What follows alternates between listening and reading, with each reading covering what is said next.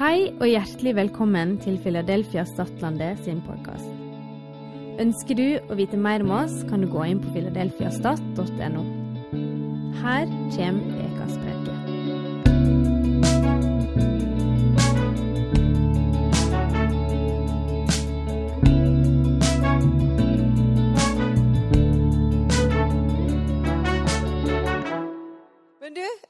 fint å eh, være her. Det er alltid veldig stas å være på Stad. For de som ikke vet hvem jeg er, så heter jeg Sara Dalsbø Hansen. Og er eh, Nå skulle jeg til å si det igjen, sønn av min far og mor, men jeg er datter, faktisk. Eh, av eh, Jørgine og Vidar. Så har dere fått plassert med dere som eh, vil det.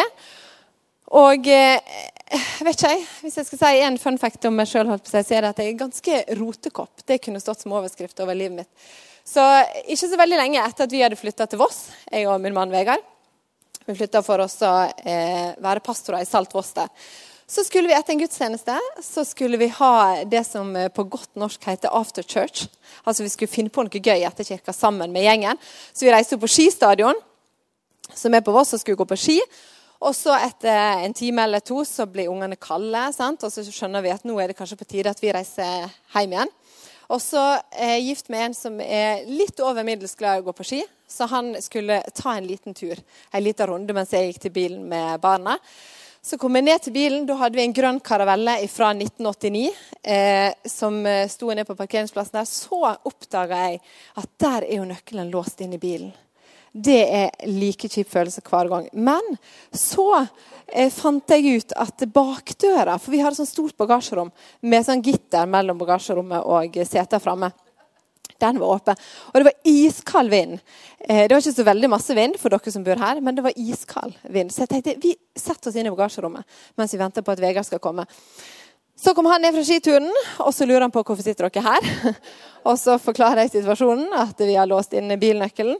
Så tenker han da eh, kommer jeg inn, jeg òg. Så sitter vi her og tenker på hva vi skal gjøre. Så han kom inn i bagasjerommet og smekker igjen døra bak, for så å finne ut at den går ikke an å åpne fra innsida. Forstår du? Og der satt vi nyflytta til Voss med hele familien innelåst i bagasjerommet på karavellen innelåst hos oss sjøl og fullstendig utelåst fra resten av verden og resten av samfunnet. Og jeg har ofte tenkt at det må være det må ha vært litt av den følelsen det hadde disse første kristne som vi møter i Johannes 20. Eh, for der har de fulgt Jesus til korset. De har sett at han har blitt lagt i grava. Og så hadde begynt å skjønne at her skjer det noe. For han er ikke i grava lenger. Men de aner ikke hva som skjer. Og Når vi møter dem i Johannes 20, så leser vi det sånn som det her. Det var om kvelden samme dagen, den første dagen i veka. Læresveinene var samla og hadde stengt dørene, for de var redde jødene. Nå hadde de riktignok stengt dørene med viten og vilje og låst dem. Det var ikke innelåst på samme måte. Men det var likevel de satt innelåst hos seg sjøl og fullstendig utelåst fra resten. De hadde, ingenting, de hadde ikke noe å gå med. De var redde for hva som skulle skje. Og så leser vi videre. Da kom Jesus. Han sto midt imellom dem og sa, 'Fred være med dykk'. Da han hadde sagt det, viste han de hendene sine og sida si. Læresveinene var glade da de så Herren. Igjen sa han til dem, fred være med dykk, som far har sendt meg, sender jeg dykk. Med disse ordene anda han på dem og sa, ta imot Den hellige ande.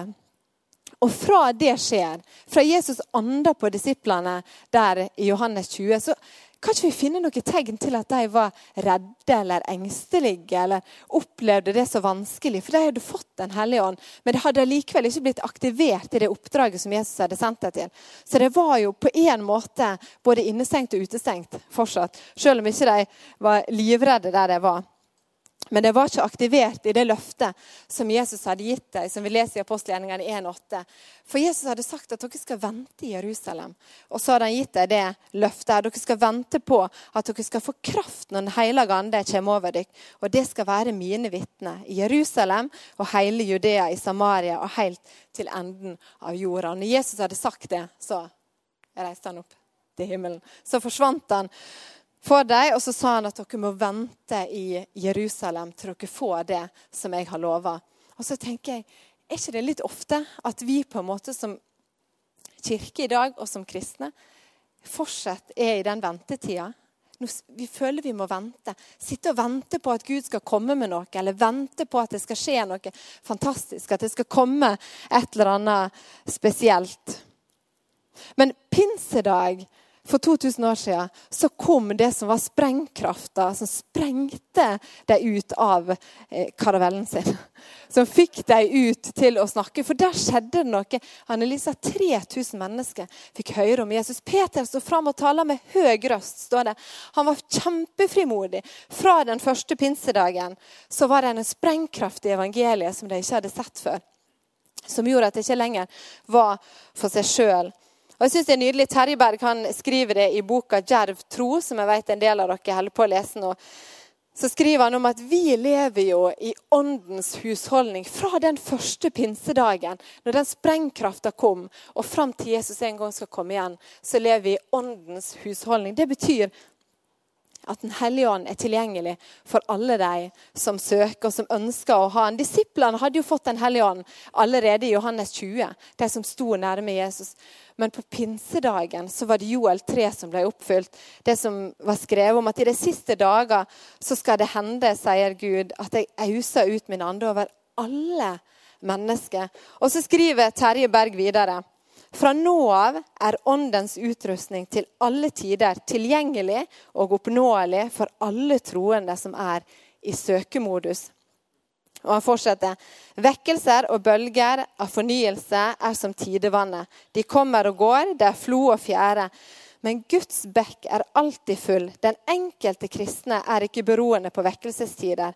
Men dersom ilden brenner i våre hjerter, er det naturlig at den begynner å brenne hjertene til de som er i nærheten av oss. Fra og med den første pinsedagen så lever vi i åndens husholdning. Vi har fått Den hellige ånd pinse. Alle som sier ja til Jesus, har fått Den hellige ånd.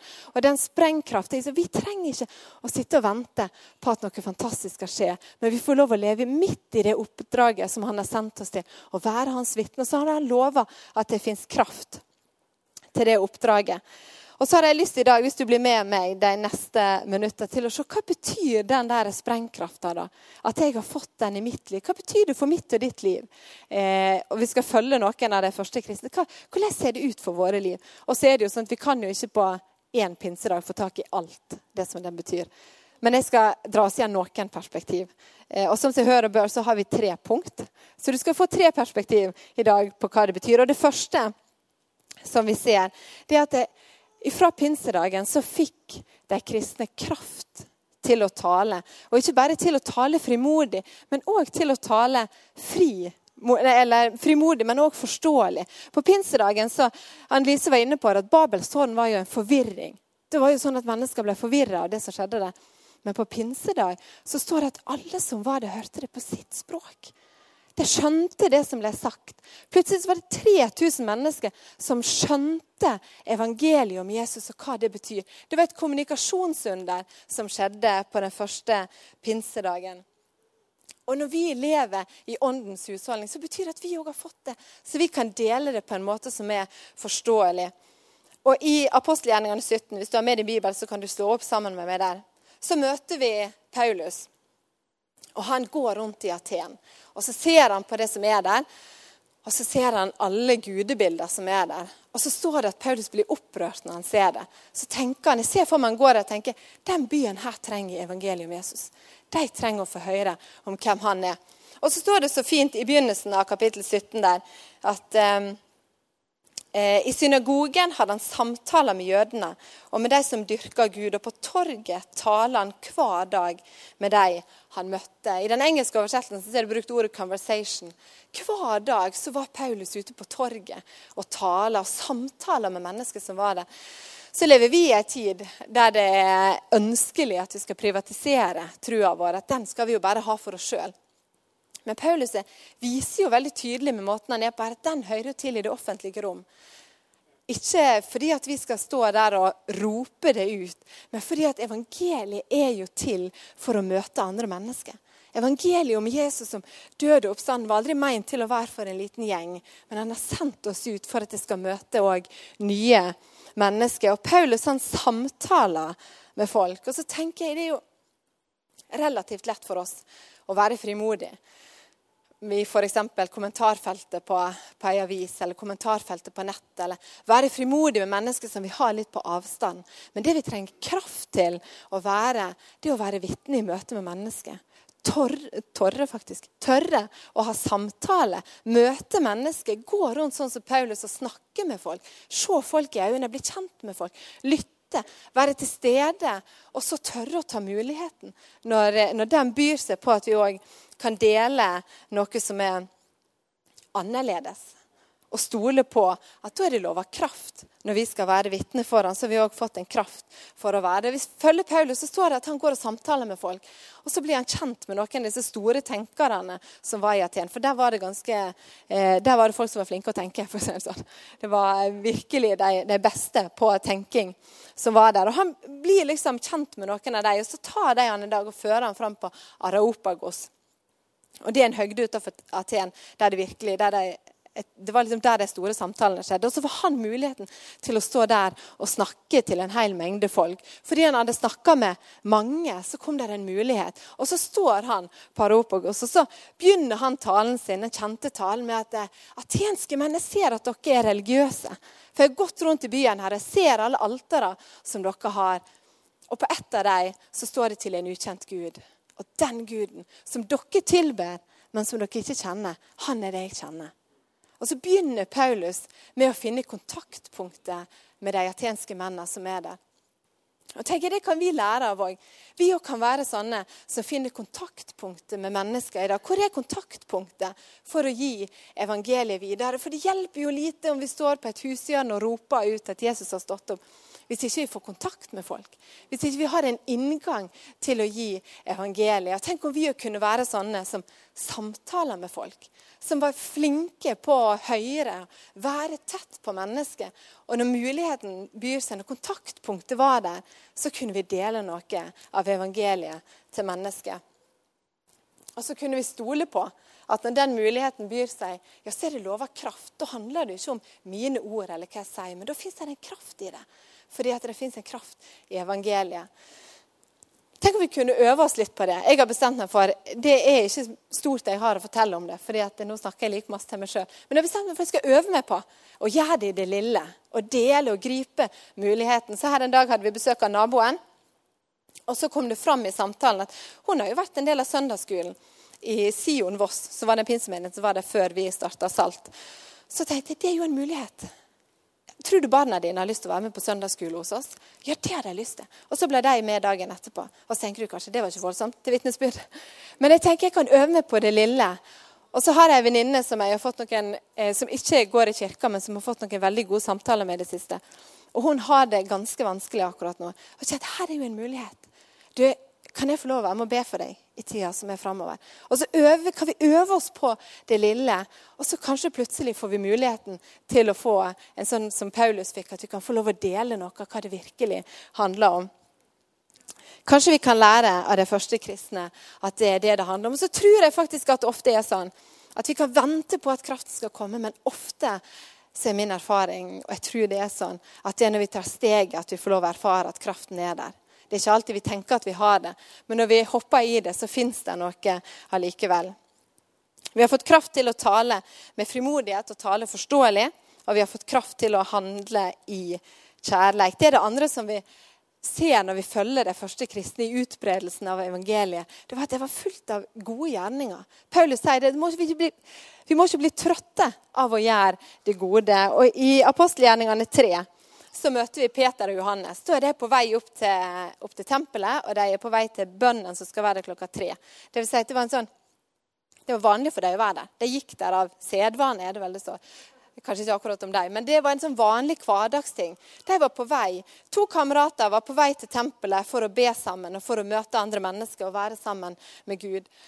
Samtidig som de er på vei til tempelet, så er det en annen vennegjeng som er på vei til den samme porten som de går gjennom. Og Den vennegjengen har de båret mellom seg, for de bærer sin kamerat, som har vært lam fra fødselen av. Og Det har de gjort hver dag gjennom hele livet. Så de båret han opp til den porten, fordi de vet at der går det jo mange folk. Der er det muligheter for han for å sitte og tigge. Peter og Johannes har sannsynligvis gått forbi han mange ganger på vei opp der. hver gang når de går opp og ned. Men denne dagen er det akkurat som de gjenkjenner at nå er det et øyeblikk. Nå ønsker Gud å gjøre noe spesielt for den mannen. Og så er det nydelig Vi skal lese fra apostelgjerningene 3, 3-8. Og, eh, og der står Da han fikk øye på Peter og Johannes, som var på vei inn, ba han dem òg om ei gåve, altså den lamme mannen. De så fast på han, og Peter sa, 'Se på oss'. Han så jordet, for han venta å få noe av dem. Men Peter sa, 'Sølv og gull eier jeg ikke, men det jeg har, det gir jeg deg. I navnet og til Jesus Kristus Nasareeren, stå opp og gå. Så tok han mannen i høyre handa og reiste han opp. Og straks fikk han styrke i føttene og anklene. Han sprang opp, sto på føttene og tok til å gå omkring. Så følgde han dem inn på tempelplassen. Snart gikk han, og snart sprang han. Alt medan han sang og lova Gud. Jeg og du òg har jo våre hverdager som vi går gjennom våre faste ting. Mandagen ser sånn ut, tirsdagen da gjør vi sånn. Vi går til skole, vi går til jobb, vi er på de ulike aktivitetene som vi er. Men tenk om vi å kunne ha et sånt blikk som gjenkjente i det helt hverdagslige. Ja, men nå er det noe som Gud ønsker å bety for det mennesket. Som vi kanskje har gått forbi så mange ganger. Men akkurat der så ønsker Gud at vi skal se. Og så er det nydelig, det som står der. Da så Peter fast på han, og han sa til den lammen, se på meg.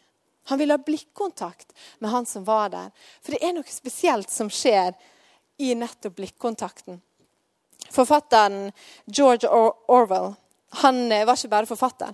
Han var en eh, engelsk forfatter. Men han var ikke bare det. Han kjempa òg i krigen for landet sitt. Så skjedde det en gang når han lå klar til å skyte en av fiendene sine, så oppdaga han det litt sånn rare scenario.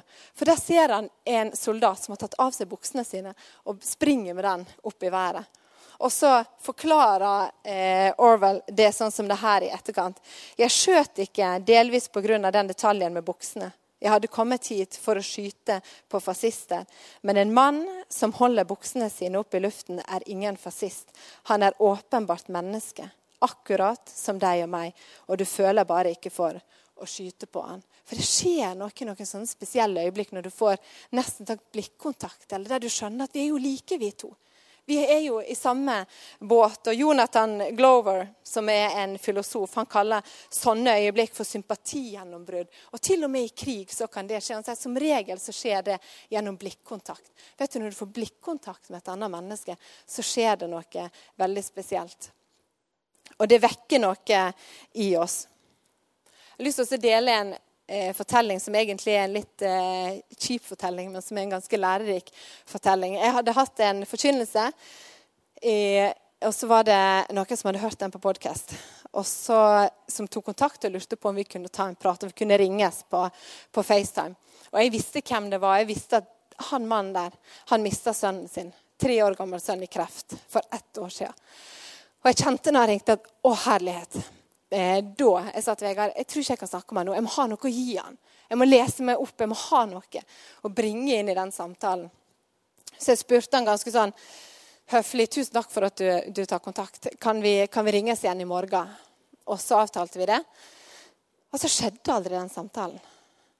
Og så ble det aldri noe i morgen. Og så var det jo nydelig når han tok kontakt igjen, og jeg fikk lov, og så, og så hadde han lyst til å sette ord på det det øyeblikket der han på veldig lenge for første gang hadde kjent et litt sånn oppdrift i livet. Han hadde bare så lyst til at noen skulle be for han. At noen skulle se han. Og så var jeg opptatt av hva jeg hadde å bringe til bordet. Og det er jo en ganske lærerik fortelling. For han, for han satte ord på at det var et øyeblikk, og så skjønte jeg her står jeg svar skyldig på å ha tenkt på men hva har jeg å bringe da? Men tenk om vi kunne være sånne da, som, som, bare ikke var opptatt av hva vi skulle bringe til bordet, men tenke at jeg lurer på hva Gud ønsker å gjøre med det øyeblikket her.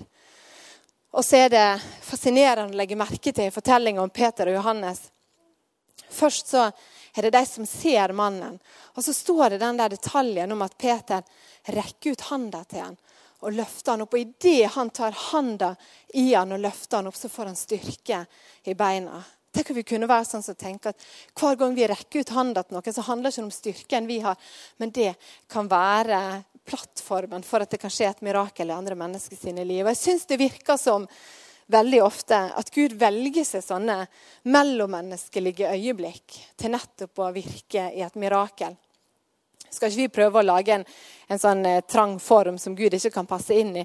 Men veldig ofte så er det sånn at i det mellommenneskelige godhet så kan det plutselig skje et mirakel.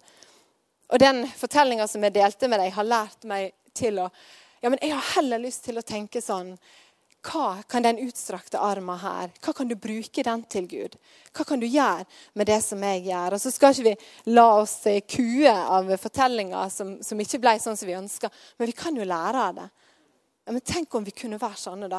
Som tenkte denne utstrakte armen, som ikke ble trøtte av å gjøre det gode, men som var opptatt av å se mennesket, som var opptatt av å strekke ut en hånd og så ha den med oss. Du, kanskje Gud kan bruke det til å utrette et mirakel i andre mennesker sine liv. Vi har fått kraft til å gjøre gode gjerninger. Ikke bare gode gjerninger i seg sjøl, men òg kraftfulle gjerninger som er mirakel. Og som kan bety så ufattelig masse for de mennesker som vi har rundt oss. For det tredje så har jeg lyst til å ta fram det vi ser når vi, når vi Paulus han er jo på en måte hovedpersonen i apostelgjerningene. Det er jo han vi følger kanskje det meste. Og når vi følger han i hans oppdrag i det å utføre eh, apostelgjerningene 1.8 sånn Dere skal være mine vitner i Jerusalem, i Judea, i Samaria, helt til enden av jorda. Og Paulus bare tenkte jeg tar det oppdraget.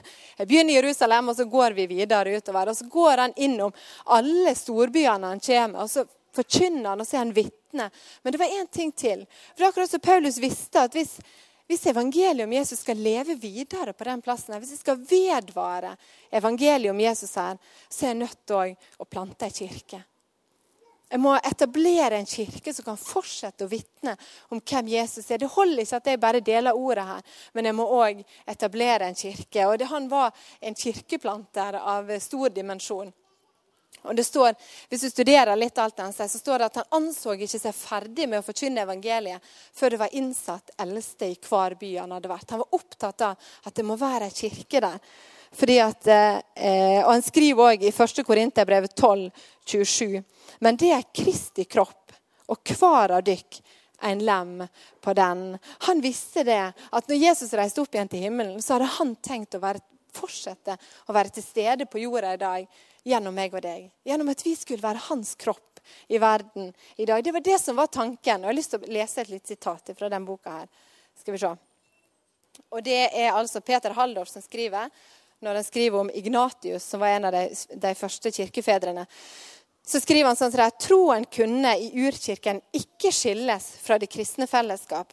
Og dette var sterkt forpliktende. Kristendom som en fritt svevende størrelse som den enkelte kunne gripe og gi en tolkning etter eget hode, var ennå ikke oppfunnet. Det er noe som er blitt oppfunnet etterpå. Det var ikke tanken at vi skulle leve alene, men tanken var at vi skulle være hans kropp i vår verden. At vi skulle være til sammen, så skulle vi få lov å skinne han. Og så er det jo ikke sånn at vi er et fantastisk fellesskap fordi jeg og du er så Vi er jo fantastiske, men vi er ikke så fantastiske.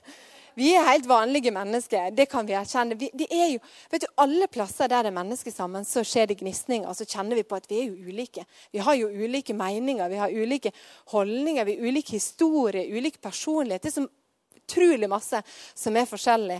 Og menigheten, kirka, er jo kanskje den eneste plassen i vårt samfunn der du finner at vi samler på tvers av interesse, på tvers av generasjoner, på tvers av bakgrunn. Alt skal være på tvers. Og Vi kjenner jo på at det er jo ikke sånn at vi alltid er så fantastiske. Men det var jo noe av det Den hellige ånd kom for. Den hellige ånd kom jo ikke for å framheve enere, for at vi skulle sole oss i glansen av en gave vi har fått. Men han kom òg for å hjelpe oss til å være gode sammen. Og i, i Korinterbrevet så skriver Paulus en helsing der han snakker om Den hellige ånds samfunn. Vet du, Det er i Den hellige ånd at vi kan få lov å være et sånt fellesskap som er annerledes. Som skinner noe annerledes til verden rundt oss. Ikke fordi vi nødvendigvis har alt på plass i livet, men det å være åndsfylte mennesker, det å være sånne som lever i pinsedagen året gjennom, ja, det handler om å være mennesker som er annerledes i måten vi møter hverandre på. Jeg vet ikke om du har studert det som står i Galaterbrevet om åndens frukt. Men de aller fleste av de fruktene handler om hvordan vi er med hverandre. Åndens frukt er jeg skal bare finne fram her, kjærleik, glede, fred, tålmod, mildskap, godleik, truskap, audmykskap og sjøldisiplin. Det handler jo først og fremst om måten vi samhandler på, og måten vi er med hverandre på. Og Jesus han sier det i Johannes 13, 35. Så sier han på det skal alle skjønne at det er mine læresveiner, at det er kjærleik til hverandre. Vet du, Vi er kalt etter pinsedag, så har vi fått kraft til å være vitne. På arbeidsplassen, på skolen, i hverdagslivet der som vi er, og gjennom våre gode gjerninger. Men kanskje mest av alt, kanskje aller mest kraftfullt, er det når vi får lov å stå sammen og være vitner, Når vi kan skinne sammen. Ikke bare hver for oss på de ulike plassene, men òg komme sammen og være hans kropp i vår verden. Det fins en fantastisk kraft i. Jeg har lyst til å lese det som, som Jesus òg sier i Matteus 5. Det er lyset i verden. En by som ligger på et fjell, kan ikke gjemmes. Ingen tenner ei oljelampe og setter den under et kar. Nei, en setter lampa på en halder. Da lyser hun for alle i huset. Slik skal lyset dykkar lyse på folk, så de kan se de gode gjerningene dykkar og prise far dykkar i himmelen. Vi skal være en sånn annerledes gjeng som har en annerledes måte å leve på. En annerledes måte å møte hverandre på. En annerledes måte å leve ut tilgivelse og kjærlighet og godhet som andre mennesker, som kan skinne for andre mennesker. Ikke bare skinne for oss sjøl, men òg skinne utover og møte andre mennesker med kraften i evangeliet. Og Jeg har lyst til å avslutte med å vise en film, faktisk. Det er en sang. Casting Crowns har skrevet en sang som heter 'City on the Hill', som er fra den teksten her. Og Han som skrev teksten, han skrev det fordi at av egentlig med utgangspunkt i sorgen over å se hvor opptatt vi kan bli av våre egne ting. Og våre, framheve våre egne ting. Og så mister vi kraften i det å stå sammen. At vi er jo satt her for å lyse i lag, for å skinne Philadelphia Stad er satt her for å skinne òg for andre mennesker som bor i den bygda her. Men når vi ikke skinner sammen, da mister vi den kraften. Så han skrev den sangen her, 'City on the Hill'. Jeg har lyst til at vi bare skal lytte til den, og så vil jeg be en bønn etterpå. Nå avslutta jo den litt sånn trist da, med at alle gikk derifra. Men, eh, men tenk så fantastisk at vi er kalt til å få lov å være en del av et sånt fellesskap. Og pinse og Den hellige ånd handler om at jeg og du har fått en utrustning. Men det er ingen av oss som har fått noe for at vi sjøl skal skinne, men for at han skal få lov å skinne gjennom oss. Og en fantastisk måte som han skinner både gjennom oss og til andre, er gjennom fellesskap, gjennom kirka, gjennom hans kropp i vår verden i dag. Jeg har lyst til å, Kan ikke vi reise sammen? Og så har jeg lyst til å be en bønn for oss, at vi skal få lov å være sånne som skinner, både i hverdagen vår i det livet som vi lever, men at vi òg virkelig skal få lov å skinne sammen for den bygda som vi står i her. Og Hvis du har lyst der du står, så kan du godt ta noen i hendene hvis du har lyst til å være med på det. Ta ei hand, bare som et symbol på at du, vi har lyst til å skinne sammen. Vi Vi er plassert her for oss å skinne sammen for de mennesker som ennå ikke er her. For å skinne Guds godhet til den plassen her. Jesus, jeg har lyst til å takke deg for at du hadde en plan. du når du reiste opp til himmelen, så var ikke det sånn at du ikke hadde tenkt å være igjen eller forlate oss alene her. Men du hadde et løfte om å sende din Hellige Ånd, og det sendte du. Og takk for at vi lever i Åndens husholdning. Vi lever med deg, gode Hellige Ånd. Takk for at du er kommet her. Du har plassert alle oss i den bygda og på den plassen her for at vi skal få lov å skinne deg. Og i det oppdraget du har gitt oss om å være vitne på den plassen som vi er, og helt til verdens ende, så har du lovt oss kraft. Den krafta kan vi få lov å få tak i i vår hverdag, i de samtalene vi har, i de, i de handlingene som vi gjør med mennesker. Men den krafta ligger òg i at vi skal få lov å være det fellesskapet du har kalt oss til å være. Jeg har lyst til å be for Philadelphia Stad òg, at de skal få lov å være den byen på fjellet som skinner annerledes som skinner så annerledes at mennesket får lov å se deg gjennom det. Ber om at det skal få lov å være den plassen der vi ikke er opptatt av å skinne sjøl, men vi er opptatt av at du skal skinne gjennom oss, Jesus.